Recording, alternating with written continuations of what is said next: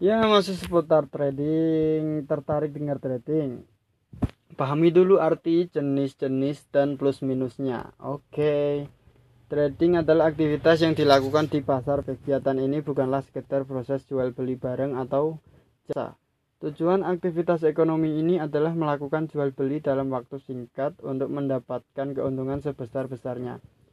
Bagaimana cara yang tidak beresiko Yuk pelajari segala yang perlu kamu ketahui tentang trading di artikel hmm, eh, di podcast Simalakama. Apa itu trading? Dilansir dari Investopedia, trading secara umum merupakan konsep ekonomi dasar yang meliputi kegiatan jual beli barang dan jasa. Keuntungan dari aktivitas trading didapat dari kompensasi yang dibayarkan seorang pembeli pada penjual atau pertukaran barang maupun jasa antar dua pihak.